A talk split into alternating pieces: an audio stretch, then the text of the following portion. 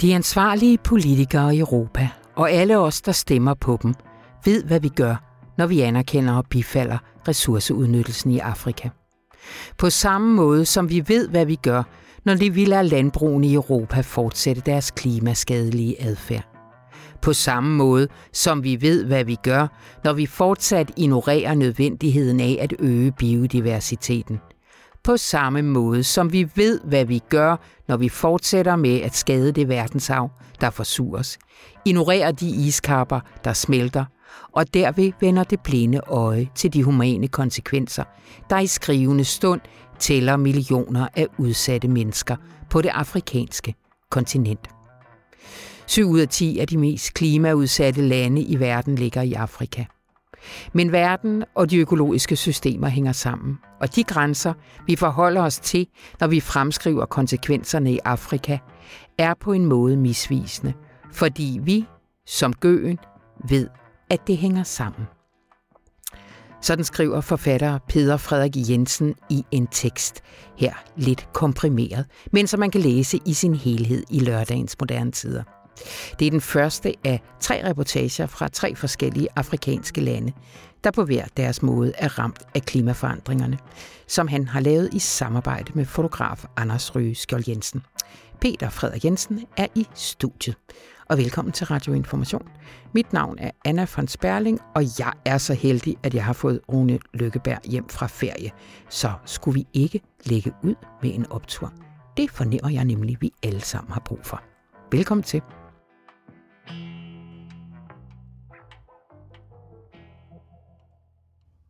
Hej Rune. Hej Anna. Dejligt at have dig tilbage. Ja, og Anna, dejligt at se dig igen, fordi det er jo faktisk, er det syv uger siden, vi har siddet her sammen? det er det da vist.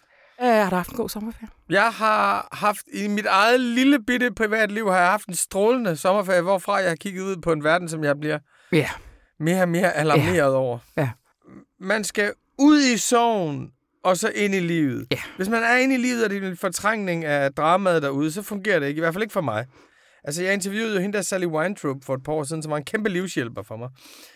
Øh, som sagde det der med, at klima er bare en sorg, men inde i den sorg, der er en værdsættelse af tilværelsen. Mm-hmm. Og inde i den sorg, der er en intensitet. Og hvis man går igennem den og tager sorgen på sig, så bliver alle de små ting vigtige, uden at være fortrængende. Ja. Så jeg tager turen derud en gang imellem, og det er det frygtelige er jo, at det er ikke alle, der har behov for at tage turen ud med mig på samme tid.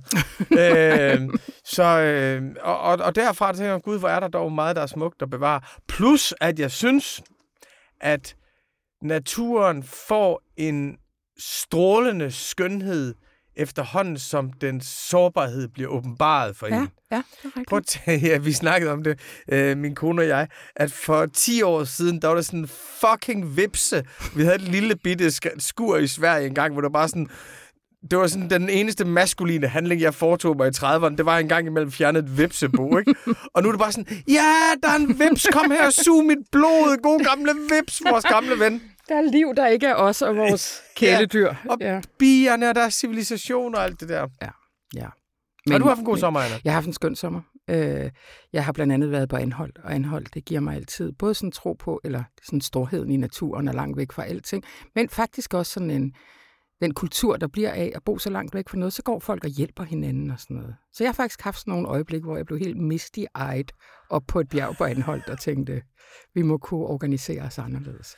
Så det er også den energi, jeg er kommet til, fra, tilbage fra ferie med. Og, og for eksempel den her radioinformation, altså lige om lidt så øh, kommer forfatter Peter Frederik Jensen jo herind og taler om vores store Afrikasatsning, og det også at sanse og være over i den anden og sådan noget. Og, altså, før vi ser os om, slutter af med Jomfru Indebane den her gang. Så tuder vi alle sammen oven. Ja, men det er, det er klart, vi tager en lille opper. ja. Så tager vi med Jensen gennem Afrika, det det. og så ender vi over med dig og Jomfru Indebane. Ja. Øh, har du en opper?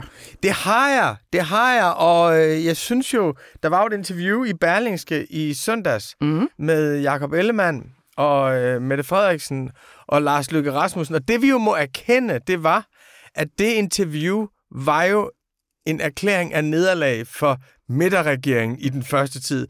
De erkender jo simpelthen, at det ikke det er ikke rigtig gået så godt for den her regering. Mm. Den blev opfattet som et teknokratisk monstrum, og det har vi selv ansvaret for, siger Jakob Ellemann. Og så siger Mette Frederiksen, ja, der gik dagligdag i den. Og vi må jo sige, var der noget, der ikke var? Så de var, der var jo total undtagelsestilstand og patos og krise og sådan noget. Var der noget, der ikke var, så var det dagligdag ja. i den. Men, men, øh, men, men det, der trods alt var en erkendelse af, det er, at de idealer, der får folk til at engagere sig i politik, og de principper, der gør, at man overhovedet gider at snakke med hinanden og vil skubbe til hele det her samfund og tror på, at vi kan klare de ting der med bierne og vepsene og Afrika, at de ja. forsvandt øh, fuldstændigt for regeringen i den første fase. Og det, at de ligesom går ud og lægger deres våben ned, der har vi jo små mennesker herovre i modstandsbevægelsen, der siger, venner, venner, venner, vi sagde det jo, vi vandt. Ja, jamen sådan en lille skadefråoptur, jeg kan lide det. Ja. Men, men øh, altså, de, de gør det vel øh, af en grund. De er i gang med en, øh, en relancering af projektet. Ja, nu kommer genstarten. Ja. Genstarten. Og den vil jo give os anledning til at hovere igen om 8 måneder. Jeg, oh, ja. jeg, jeg, jeg, jeg, jeg annoncerer det bare nu, og det eneste, vi har optur over, det er ligesom det der kapitel, der er lukket. Fordi det, der er så nedslående ved at vende tilbage fra ferie og følge dansk politik, det er jo, at til synlædende er landets statsminister mere bange for den grønne omstilling, end hun er bange for klimaforandringerne. Mm. Hun er, altså når hun bruger ordet, at noget kan flænse samfundet i stykker, så taler hun ikke om, at det er klimaforandringer, der flænser samfundet i stykker. Det er ellers den, der er rigtig mange, der sidder med, når man kigger på Kanada og hører, at de kanadiske skovbrænde har udledt lige så meget CO2 i sig selv, som Tyskland gør på fem år. Ja. Men det hun siger, det er, at vi, vi må ikke gå for hurtigt frem med en grøn omstilling, fordi den kan flænse samfundet i stykker. Og klimaministeren siger, at et stort flertal skal være med den grønne omstilling. Han har så sagt det her tal 80 procent. Og der er to ting at sige til det. Det ene er, at det er komplet latterligt, at en regering, der når det handler om at tage folks fritid fra dem og pisse dem til at arbejde mere, så synes de, det er enormt godt at gøre noget, der er upopulært. Så er det upopulært godt i sig selv. Jo mere befolkningen hyler, jo mere fører man rigtig politik. Når det handler om klima, så er det fuldstændigt, så er det fuldstændigt modsat. Øh, men det, der er nedenunder det, og det er den, det er den anden pointe, er, synes jeg, at der er jo ingen, altså alle vil jo være enige om, at selvfølgelig er det vigtigere at redde kloden, end det er at redde den danske øh, arbejdskraftmaksimering. Altså ja. selvfølgelig er det vigtigere end det. Men det, der er erkendelsen i det, er jo, at vores indsats gør alligevel ikke nogen forskel. Mm. Altså hvis man kan mm. ofre hvis man kan sige, det er vigtigt, at folk ikke bliver sure på os. Det er vigtigt, at vi ikke får modstand. Det er vigtigt, at vi ikke får bundeoprør. Det er vigtigt, at vi ikke får... Så er det jo fordi, man, øh, man ikke synes, det er en pris at betale for et højere gode. Og så er det jo fordi, man ultimativt må sige, at det vi gør, gør ikke rigtig nogen forskel mm. i, den mm. sto- i, i store billede. Altså hvis mm. det er at nå til 54% reduktion i 2025, i stedet for at nå til 50 bare til 50 procent, som der overhovedet er et spørgsmål, om vi når. Hvis det ikke betyder noget, hvis man så bare ser på skadeeffekterne, så er det fordi, man ikke tror på, at man er en del af kæde af handling, ja. der skal skabe de her politiske, sociale og kulturelle tipping points, som skal få os et, et nyt sted hen. Og det er jo så nedturen ved den her regering. Det er, at ultimativt, så renoncerer den jo på den største opgave, og det er de sidste 30 års klimabenægtelse, det er, at man siger, at selvfølgelig skal vi øh, gøre alt, hvad vi kan, og vi kan ikke være det bekendt øh, over for vores børn og bla bla bla. Og så snart det kommer til at koste, så gør man det ikke. Ja. Ja. Så vi følger med, Godt. og vi løber efter. Godt. Rune, her før jeg slipper dig. Øh, vi er jo lidt gået i gang med en ny sæson her efter sommerferien. Kan du give to ting? Hvad kan, vi, hvad kan, hvad kan læserne, lytterne vente sig? Jamen, altså, den, altså lige om lidt, den 29. august, mm. der, det er jo 80 året for samarbejdspolitikens ophør, og det er jo også starten på Dagbladet Information, så der holder vi jo en kæmpe stor fødselsdag, og hvis man vil følge med i den, øh, hvis man følger med i det, så har Ulrik Dahlin skrevet en fantastisk serie, som fortsætter nu her, som handler om opgøret med samarbejdspolitikken og fødslen af Dagbladet Information, denne stolte modstandsavis. Mm-hmm. Og vi er jo i et meget interessant sted, Anna, fordi alle fornuftige mennesker i dag siger jo, samarbejdspolitikken var uden alternativ. Hvis vi ikke havde samarbejdet med nazisterne, så var der en masse flere jøder, der var døde.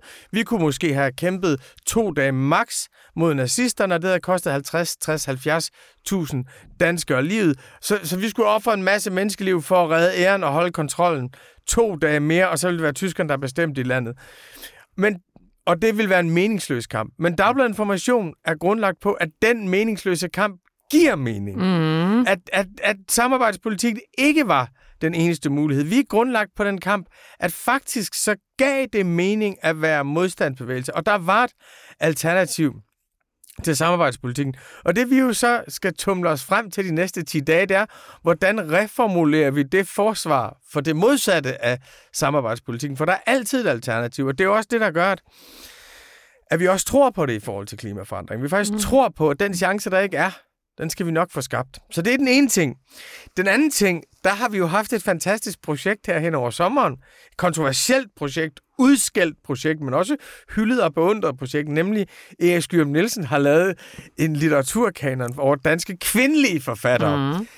Men det er jo bare et forspil til, at vi skal lave den rigtigt autoriserede kanon. Så her i efteråret, fordi vores præmis var jo, at der var mange gode kvindelige forfattere, der ikke var med i patriarkatets kanon. Mm-hmm. Øh, så vi skal jo lige om lidt, der skal vi sætte den rigtige kanon sammen. Nu har vi lavet kvindernes kanon, men den rigtige litteraturkanon, med den helt rigtige, med de bedste forfattere og de rigtige indblik og den rigtige fordeling og sådan noget, den laver Dagbladet Information i løbet af efteråret. Jeg kan løfte sløret for, løfte sløret og hæve fladet for, der kommer et arrangement allerede i september, hvor vi går i gang. Kæmpe løfte. Kæmpe løfte og kæmpe optur. Tusind tak, Rune Lykkeberg. Tak.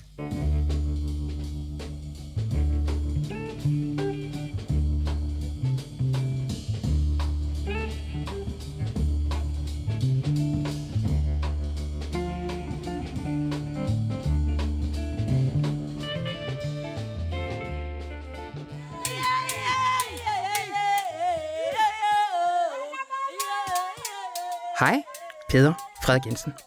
Hej. Hvad er det, I lytter til her? Det vi lytter til er primært kvinder og store børn, tror jeg, der synger i skoven i et område af verden, der er ret langt væk fra Alfavej, som øh, inde omkring nogle store naturreservater i østlige Kamerun. Mm-hmm.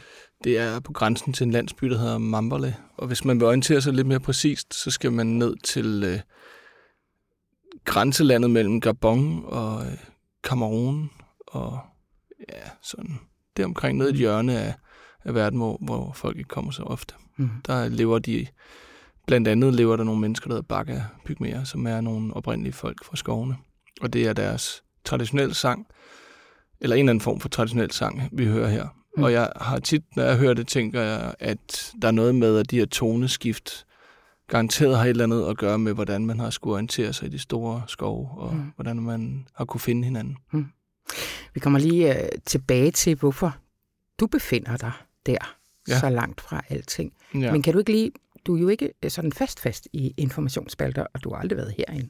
Kan du ikke lige præsentere dig selv for lytterne? Jo, jeg hedder Peter Frederik Jensen, og jeg er skønlitterær forfatter primært, men øh, skriver også i ny og næ nogle mere hvad skal man sige, essayistiske ting, mm. og jeg har været taleskriver i Miljøministeriet. Jeg har desværre kommer jeg igen og igen til også at rode mig ind i sådan nogle lidt mere politiske diskussioner, som irriterer mig lidt, men det kommer jeg til.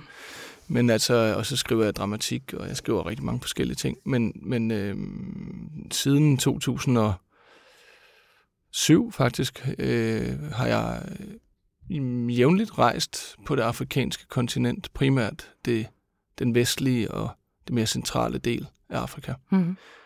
Øh, ofte i den fransktalende del af Afrika. Og det, øh, det har jeg gjort på sådan en, et, en efterhånden en del rejser. Ja. Mm. ja. Så da du øh, tog til, nu skal jeg udtale det rigtigt, Mambale? Mambale. Mambale. Mambale. Sammen med vores fotograf, Anders Rygeskjold Jensen. Så øh, havde du været der før? Ja, det havde jeg. Jeg har ja. været i Mambale en, jeg tror det umiddelbart, at det var femte gang, jeg var i Mambale, og syvende gang, jeg var i Kamerun. Ja. Ja. Og hvorfor lige Mambale? Jamen, jeg plejer at sige, at øh, Mambale på en eller anden måde er sådan et, et hotspot, eller hvad man skal sige. Det, der er sådan en, en, lidt en, en, sådan en slags rundkørsel. Øh, man kan se et billede af det et andet sted på Informations hjemmeside, mm. nu tror jeg nok.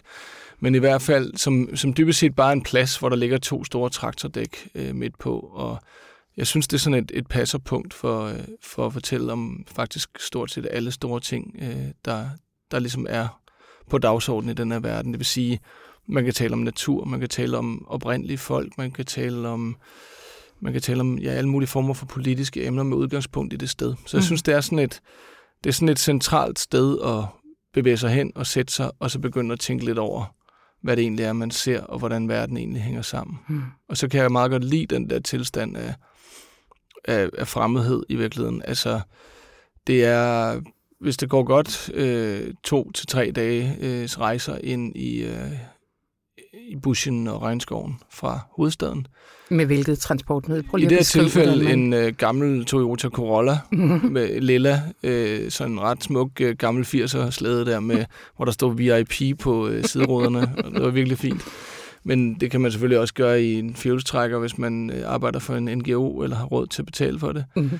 Og ellers så er det jo øh, busser, mm-hmm. øh, som kører meget sjældent. Altså jeg har, jeg har rejst der til mere... Øh, på lidt mere tilfældig vis, og der vil jeg sige, øh, der må man leve med, at man strander. Lidt sådan, altså, lidt som man rejste i førhen, da jeg var helt ung og sådan noget, med den der sådan lidt større, jamen det kan godt være, at jeg kan komme frem i morgen, det kan også være, at jeg ikke kan. Mm.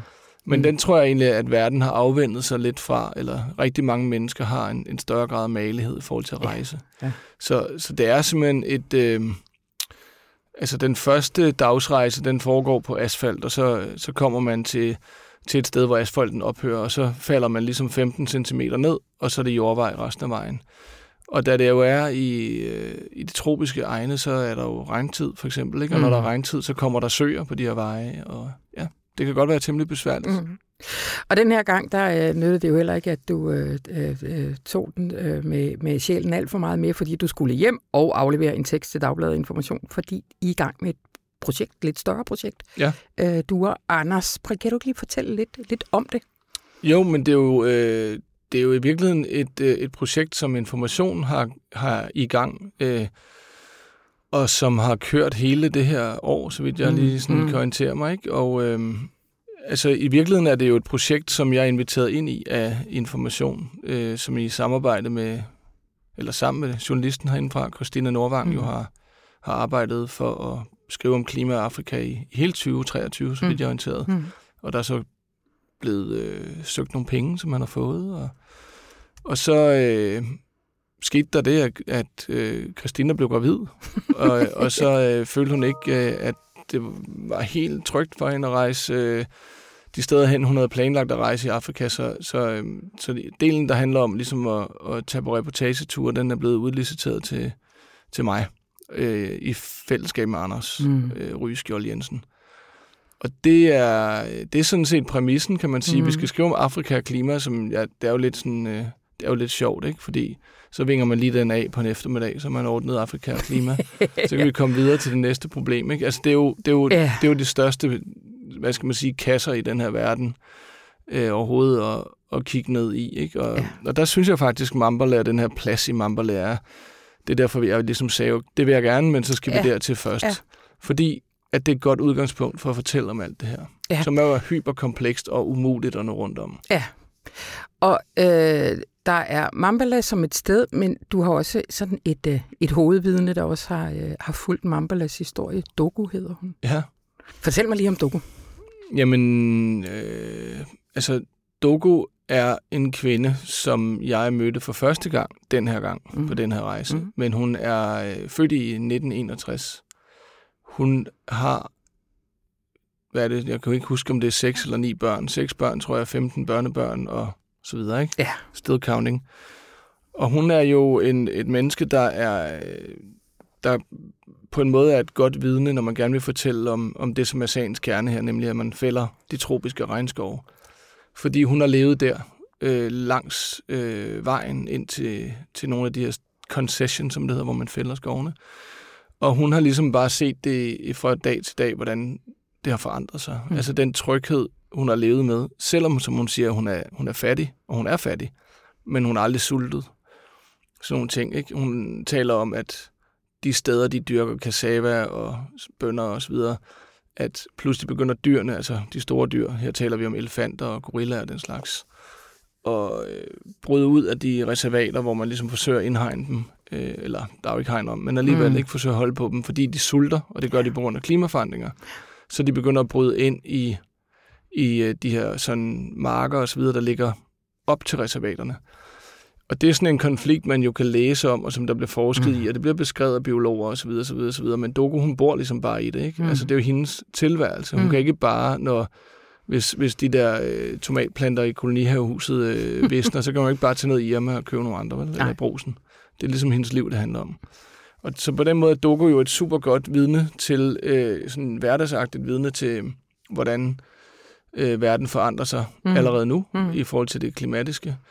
Og jeg synes for mig sådan rent politisk, så, øh, og i mit natursyn, der handler det jo også om, at øh, jeg tror personligt på, at noget af det, der ligesom rider verden som en mare lige nu, det er jo et, et øh, mere enstrenget øh, natursyn, altså hvor naturen bare er en ressource for mennesket, og hvor vi ligesom siger, at klimaforandringerne, det skal vi løse, men hvor klimaet ligesom er en isoleret del, hvor vi ikke tænker det holistisk ind mm-hmm. med de mhm. mennesker, der mm-hmm. bor i verden, de oprindelige folk, der lever i verden, de millioner af mennesker, der stadigvæk lever af at dyrke jorden.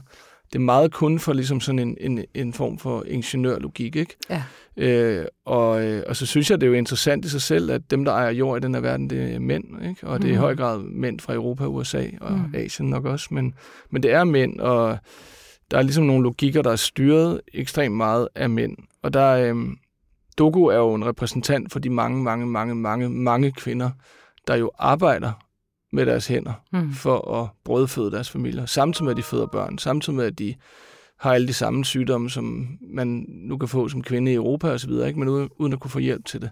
Samtidig med, at deres børn dør af sygdomme, vores børn vil blive kureret for. Så, så hun er jo i, i og for sig et, et, et godt eksempel på, hvordan der er utrolig meget ulighed forbundet med, øh, med de mennesker, øh, der bliver ramt af klimaforandringerne. Ja. Og øh, jeg har bare bemærket, at øh, i sådan den europæiske eller danske hverdag, der, øh, der er det ligesom om, at, at det bliver ignoreret. Øh? Altså, der taler vi om klimaet som om, at vi kan løse det ved at, ja, ved at vores minister er, bliver er delegeret til alle mulige fine møder rundt omkring i verden, eller at Mette Frederiksen spiser en smule mindre kød, eller hvad yeah. det nu er. Ikke?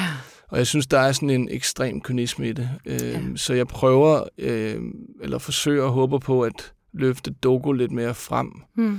Fordi jeg kan huske, da jeg var ung og barn, altså i 80'erne, der var det jo ikke ualmindeligt, at, vi, at der var en solidaritet med mennesker i Afrika, mm. eller ikke ualmindeligt, at vi talte om regnskovene, eller om oprindelige folk, eller om fattige folk. Altså, der var jo, det var ligesom i børnefjernsyn. Ikke? Mm. Mm. Men, men det er blevet ualmindeligt. Er det, er det. Så, så ikke nok med, at, at, øh, at der er blevet rigtig langt over Sahara og Middelhavet, og nu skal vi også igennem brandbæltet i Sydeuropa for at komme op til en eller anden form for tryg tilværelse, hvis ja. man vil her til Europa. Så, så der er jo også på en eller anden måde en mental mur, ikke? Altså, ja. Men jeg synes også, du beskriver, din tekst beskriver ret fint, at det jo ikke kun er hvad skal man sige, Dogos erfaringer med at have oplevet øh, øh, lige pludselig at gå fra fattigdom til sult og, og alt det her, men det, vi faktisk også kan lære noget af hendes mere cirkulære øh, livssyn og ja. årscyklus. Ja. Kan, du, kan du ikke sige lidt mere om det? Jo, men cyklusen, eller jeg tror, jeg skriver i teksten øh, om bakkerne, altså pygmæfolkenes øh, livscykluser, som er cirkulært og ja. følger hvad skal man sige, øh, naturens, øh, ja, cirkulær. Naturen er jo cirkulær. Mm. Det er jo en forestilling, vi har om, at det er lineært, ikke? som jeg tror hænger sammen med væksttænkning. Ikke?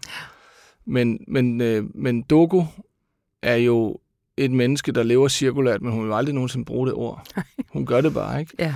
Og det det, der jo ligesom på en eller anden måde er, at øh, det vi kan lære eller genlære et menneske som hende, er jo, altså vi skal jo afholde os fra at romantisere hendes situation, ikke? Mm. Men, men, øh, men hun er jo ikke i tvivl om, at naturen er fuldstændig totalt aktiv og til stede som et vilkår i verden.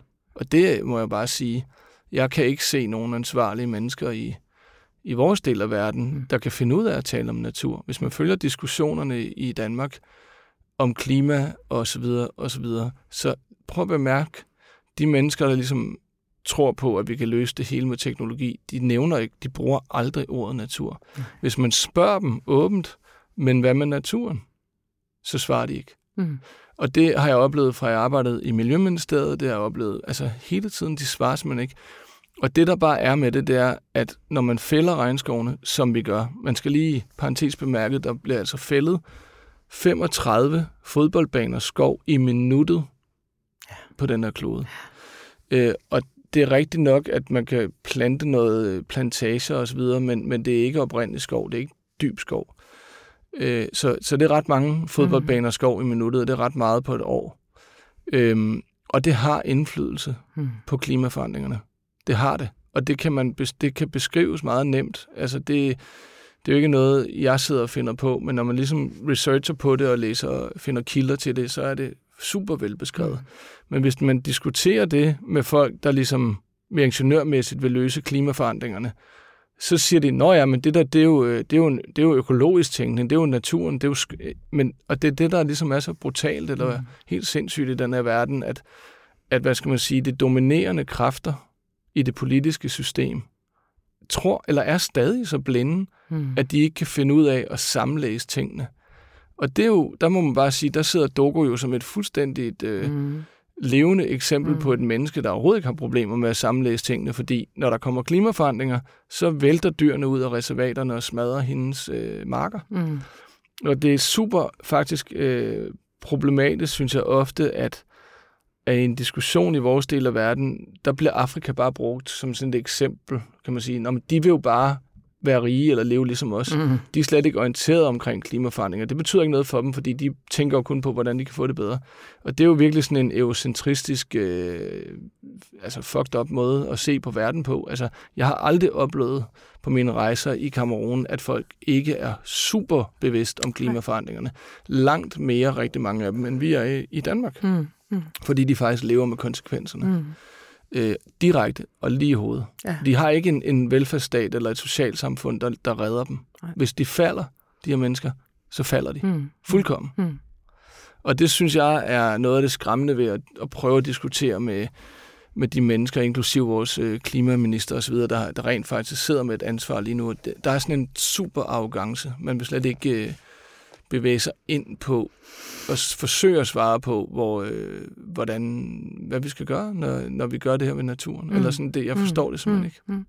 Og jeg mm. synes, det, der er virkelig skræmmende lige nu, det er, at man så melder ud, at, at vi skal have alle med. Det oplever jeg virkelig som sådan en strømmand, en, en strømmand fordi at det der med at skulle have alle med, jeg, jeg tror altså, det dækker over, at man egentlig ikke rigtig er interesseret i at tale om natur. Mm. Og man er ikke interesseret i at tale om det, der, der ligesom gør, at regnstykket ikke kommer til at gå op.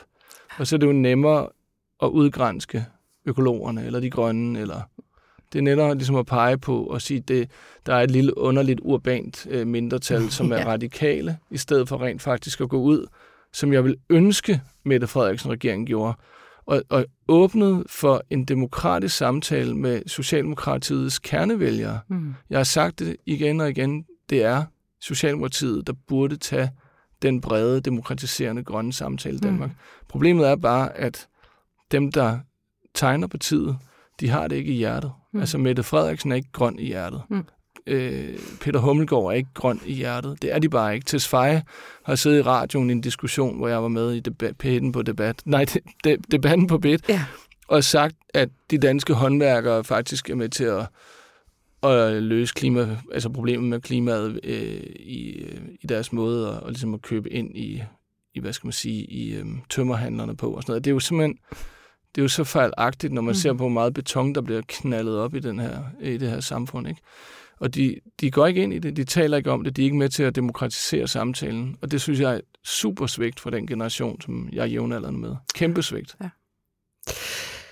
Altså, øh, du skriver også i den i, i essay her, der siger du, altså, alt det her, det ved vi godt, men du skriver også, at på en eller anden måde kan vi ikke mentalisere det. Ja. Altså, hvor, hvor, er, hvor ligger den forskel?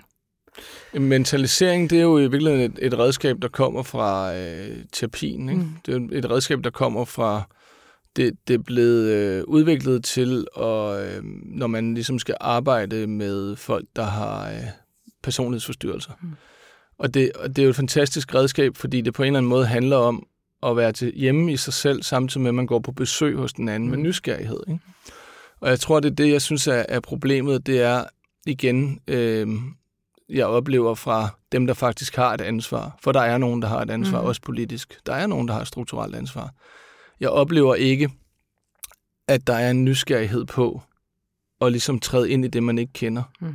Og at åbne, åbne sig i hjertet, åbne sig i sit sind for, at det måske faktisk ikke kan lade sig gøre at vækste, det der forfærdelige ord, vækste sig ud af, af klimakrisen. Mm. Det øjeblik, man begynder at erkende, at, at biodiversitetskrisen og klimakrisen er forbundne kar. Ja. Det handler ja. ikke om det samme, ja. og det løses ikke på samme måde. Det er forbundne kar. Og den tredje ting, som de må kunne forstå, det er jo, at det også er en ressourcekrise. Fordi der er ikke mere sand eller grus i den her verden, end der er. Det vil sige, vi kan simpelthen ikke bygge alt det beton, vi gerne vil, for der er ikke, der er ikke ressourcer til det. Mm. Vel? Øhm, og det er jo sådan noget, man forstår i sådan en ingeniørvirkelighed, eller sådan en vækstorienteret kapitalisme. Der forstår man jo godt ressourcer. Det er jo det, naturen er ja. for dem. Så jeg forstår ikke, jeg forstår ikke som menneske, at man ikke har en større åbenhed og nysgerrighed. Og jeg synes faktisk, det der sker lige nu, øhm, er dybt manipulerende, at man prøver at sige, jamen, vi arbejder for flertallet, ikke? Øhm, det, det er i virkeligheden en begrænsning, ikke? Altså, øhm, og jeg tror, at vi er nødt til at bruge klimapsykologien altså, til ja. at, at forstå de her processer, der er i gang lige nu. Altså, den, klimapsykologien, hvad, hvad mener Jamen, klimapsykologien er jo et, et, sådan en eller anden form for speciale, der er opstået i psykologien, der kigger på netop, hvor man arbejder med, at, hvorfor det er, at vi er vores egen værste fjende lige for mm. tiden, ikke? Altså, som jo handler om, at vores hjerner er indrettet på nogle bestemte måder, vores kultur er indrettet på nogle bestemte måder. Og øhm, jeg tror rigtig meget, at det, der foregår i verden lige nu, er altså de forbehold, eller den, den, øh, det, at man ikke tør for alvor at sige, nu rykker mm. vi, ligesom under corona, hvor man godt kunne finde ud af det, eller mod i krigen mod Rusland, hvor man godt kan finde ud af det. Mm.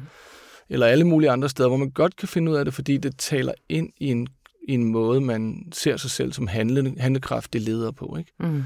Der er det her, det handler om, at vi skal forandre hele vores billede. Vi skal jo ind i en, en mere holistisk, sanselig måde at forstå øh, mm. vores sammenhæng med natur på. Ikke?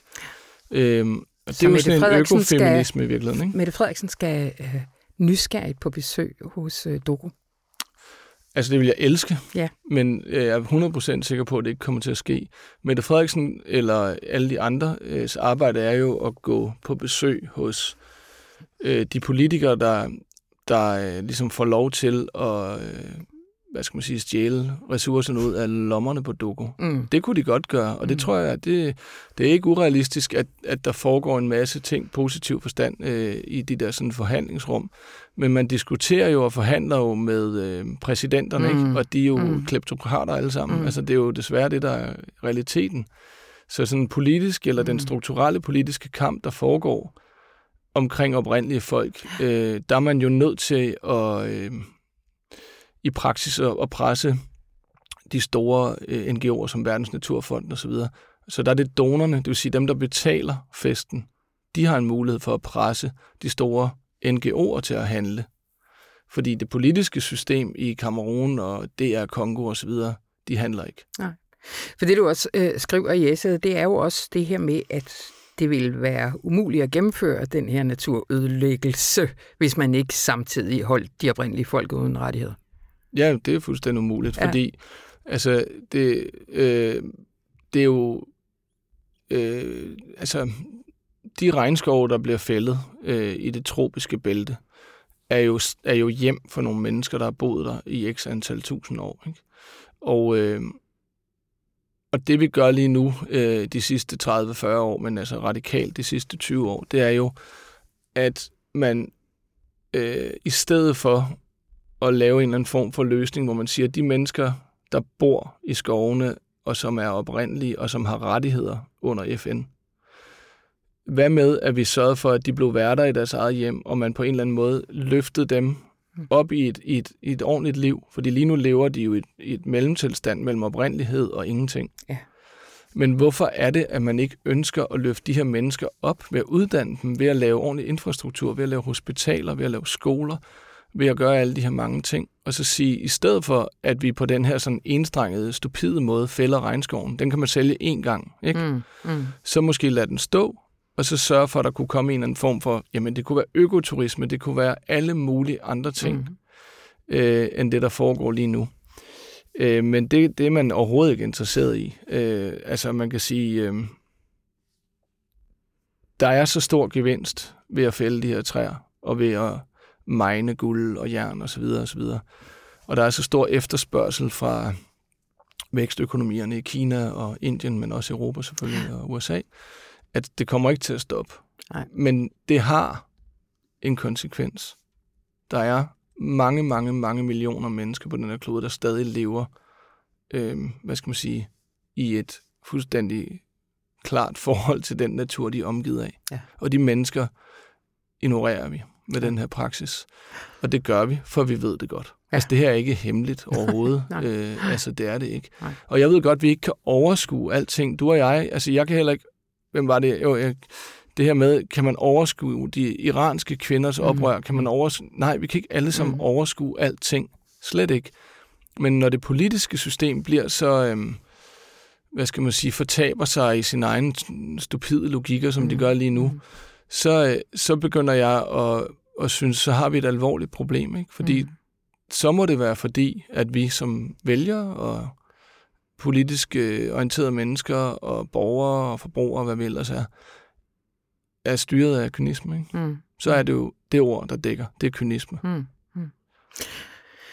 Du skriver, øh, at du flere gange under dit besøg skriver på sådan en lille lap, hvad Mm. laver jeg her? Ja. Og det skriver du igen og igen. Ja. Altså, øh, Mm. hvor, hvorfor skriver du det så mange gange, tænker du? Jamen, det, det er noget, jeg vender tilbage til hver eneste gang, jeg forsøger at skrive om... om den her tekst er, er forsøg nummer 500 på at skrive om, øh, skrive om de her problemstillinger, dybest set, ikke? Øh, og det er jo meget rart for en gang skyld at have en fuldstændig fastlåst øh, dagsorden. Øh, eller hvad hedder det? Altså, det skal bare være færdigt. Det er Ja. virkelig dejligt, for jeg har virkelig forsøgt længe. Fordi det er så sindssygt komplekst og svært. Øhm, og samtidig er der jo en kultur i Europa, hvor vi helst ikke har, vi har ikke lyst til at høre om noget fra Afrika. Mm. Øh, og det, det er sådan opstået i min generation. Folk de bliver fjernet i blikket. Ja. Altså, hvis jeg skriver, jeg har skrevet et eller andet debatindlæg om socialt udsatte i Danmark, så kan det blive delt i en uendelighed og diskuteret osv. Hvis det er om Afrika, så er der ingen, der læser det. Nej. Og den øh, mekanisme er jo helt vanvittig, dybest set. Ikke? Men, men øh, så derfor så, øh, så, øh, så har jeg hele tiden forholdt mig til det her med, altså hvad er jeg der egentlig for? Ikke? Hvad, hvad er det, jeg gerne vil lykkes med? Ja. Og, og det er den ene side af det. Det andet er, at et af mine sådan, intellektuelle udgangspunkter for, for de her rejser, det er også hele tanken om, hvad det vil sige at høre til. Ikke? Fordi vi har oprindelige folk i skovene. De hører vidderligt til der. Øhm, men hele tanken om tilhørsforhold er jo ekstremt styrende for, for verdens gang. Ikke? Øh, de her bakkerpygmæer, de kan ikke bevise ud fra ligesom, øh, kapitalismens love, at, at de hører til dig, fordi de sætter ikke hegn op, og de laver ikke jordbrug, og de begraver ikke deres døde foran deres hoveddør. Så derfor så er en af de måder, man undertrykker dem på, det er at øh, ikke at anerkende deres identitet, fordi de ikke kan bevise, at de stammer fra den jord, de går og vandrer på. Ja. Og det kan bantufolkene, altså dem, der er jordbesiddere. Og det vil jo sige, hvis vi kigger på det ud fra vores egen kultur, så er det jo det samme, der går igen i hele, hvad skal man sige, kolonial, kolonialisering af Afrika. Ikke? Ja. Det hele handlede jo om at sætte grænser op øh, for at kunne udnytte kontinentets ressourcer, Ja. ja. inklusiv de 12 millioner mennesker, der blev slavegjort og sendt til øh, Karibien og Nordamerika, ikke? hvor de 2 millioner ligger på Atlanterhavets bund. Bare lige sådan perspektiv. Ikke? Ja. Så det der med, at, at, øh, at jordbesiddelse og sætte grænser op og have hegn rundt om sin mark, det er jo sådan en agrar, øh, kan man sige, eller sådan en landbrugslogik, ikke? Og der synes jeg jo altid, det er spændende at sige, jamen hvad med de andre? Hvad med de mange nomader? Hvad med de mange naturfolk? Hvad med os selv i Danmark, der er lige så meget en kystnation og en sejlende nation, som vi er en landbrugsnation? Så man kan sige, hele ideen om at høre til et bestemt sted, er også ekstremt styrende for de logikker, der er med til at skubbe os ud over kanten, ikke? Mm. Og det, det, så det, der er jo sådan alle mulige langhårede overvejelser, men, men helt konkret er det jo også bare dilemmaet ved, at hvis jeg ikke skriver, rejser til Mambala og skriver, jamen så er der ikke nogen, der gør det. Ja. Altså det er der bare ikke. Men det ville jo være rart, hvis, øh, hvis Doku selv kunne gøre det, eller sådan, ikke? men det kommer ikke til at ske. Mm. Så hele ideen om, at man ligesom skal løfte sin stemme for sig selv og kunne det, det er jo også øh, begrænset af en eller anden form for luksus ved at bo og have adgang til medier eller magt, eller hvad fanden det nu er. Ikke? Mm. Så der er jo også nogle overvejelser i forhold til, øh, ja, hvem der egentlig kan sige hvad i den her verden. Ikke? Mm. Mm. Og der ligger der altid det der med, i det spørgsmål, der ligger alle de overvejelser nedenunder, mm. synes jeg. Mm. Vi skal til at slutte, Peter, men mm. altså reportagen fra Dogos Mambala, det er den første af tre historier. Og så synes jeg lige, øh, det kan være, at når jeg siger det, når Anders han sidder og lytter til det i radioen, ja. siger han, det har vi sgu da ikke aftalt. Men Nej. jeg har lige besluttet mig for, at jeg tror, Anders han skal ind og tale om billederne. Øj, Fordi, det er en god idé. Ja, ikke? Jo. Fordi jeg tænkte også på, øh, altså man kan jo nyde dem i moderne tider på lørdag, eller man kan gå ind og se dem på nettet. Mm. For jeg sad og læste din tekst, og så hele det her med, at du også siger det her med at holde hjertet blødt og åbent og sanse og alt det der, og så mm. med Anders' billeder af de liv, der alligevel leves ja. med al sin også skønhed og alt det der. Ja, meget, meget bevægende. Helt så, øh, så det skal Jamen, man gøre. Og, øh, nu ved du det, Anders. Øh, og øh, tusind tak, Peder Frederik Jensen. Det var en fornøjelse. Velbekomme. Og det var, hvad vi havde på programmet i denne fine uge. Og det endte jo faktisk, det var ikke planlagt, men det endte jo lidt som en særudgave med et tilbagevendende tema om, at regeringen og jo ikke mindst den spids, Mette Frederiksen, altså må op i omdrejninger på klimaområdet.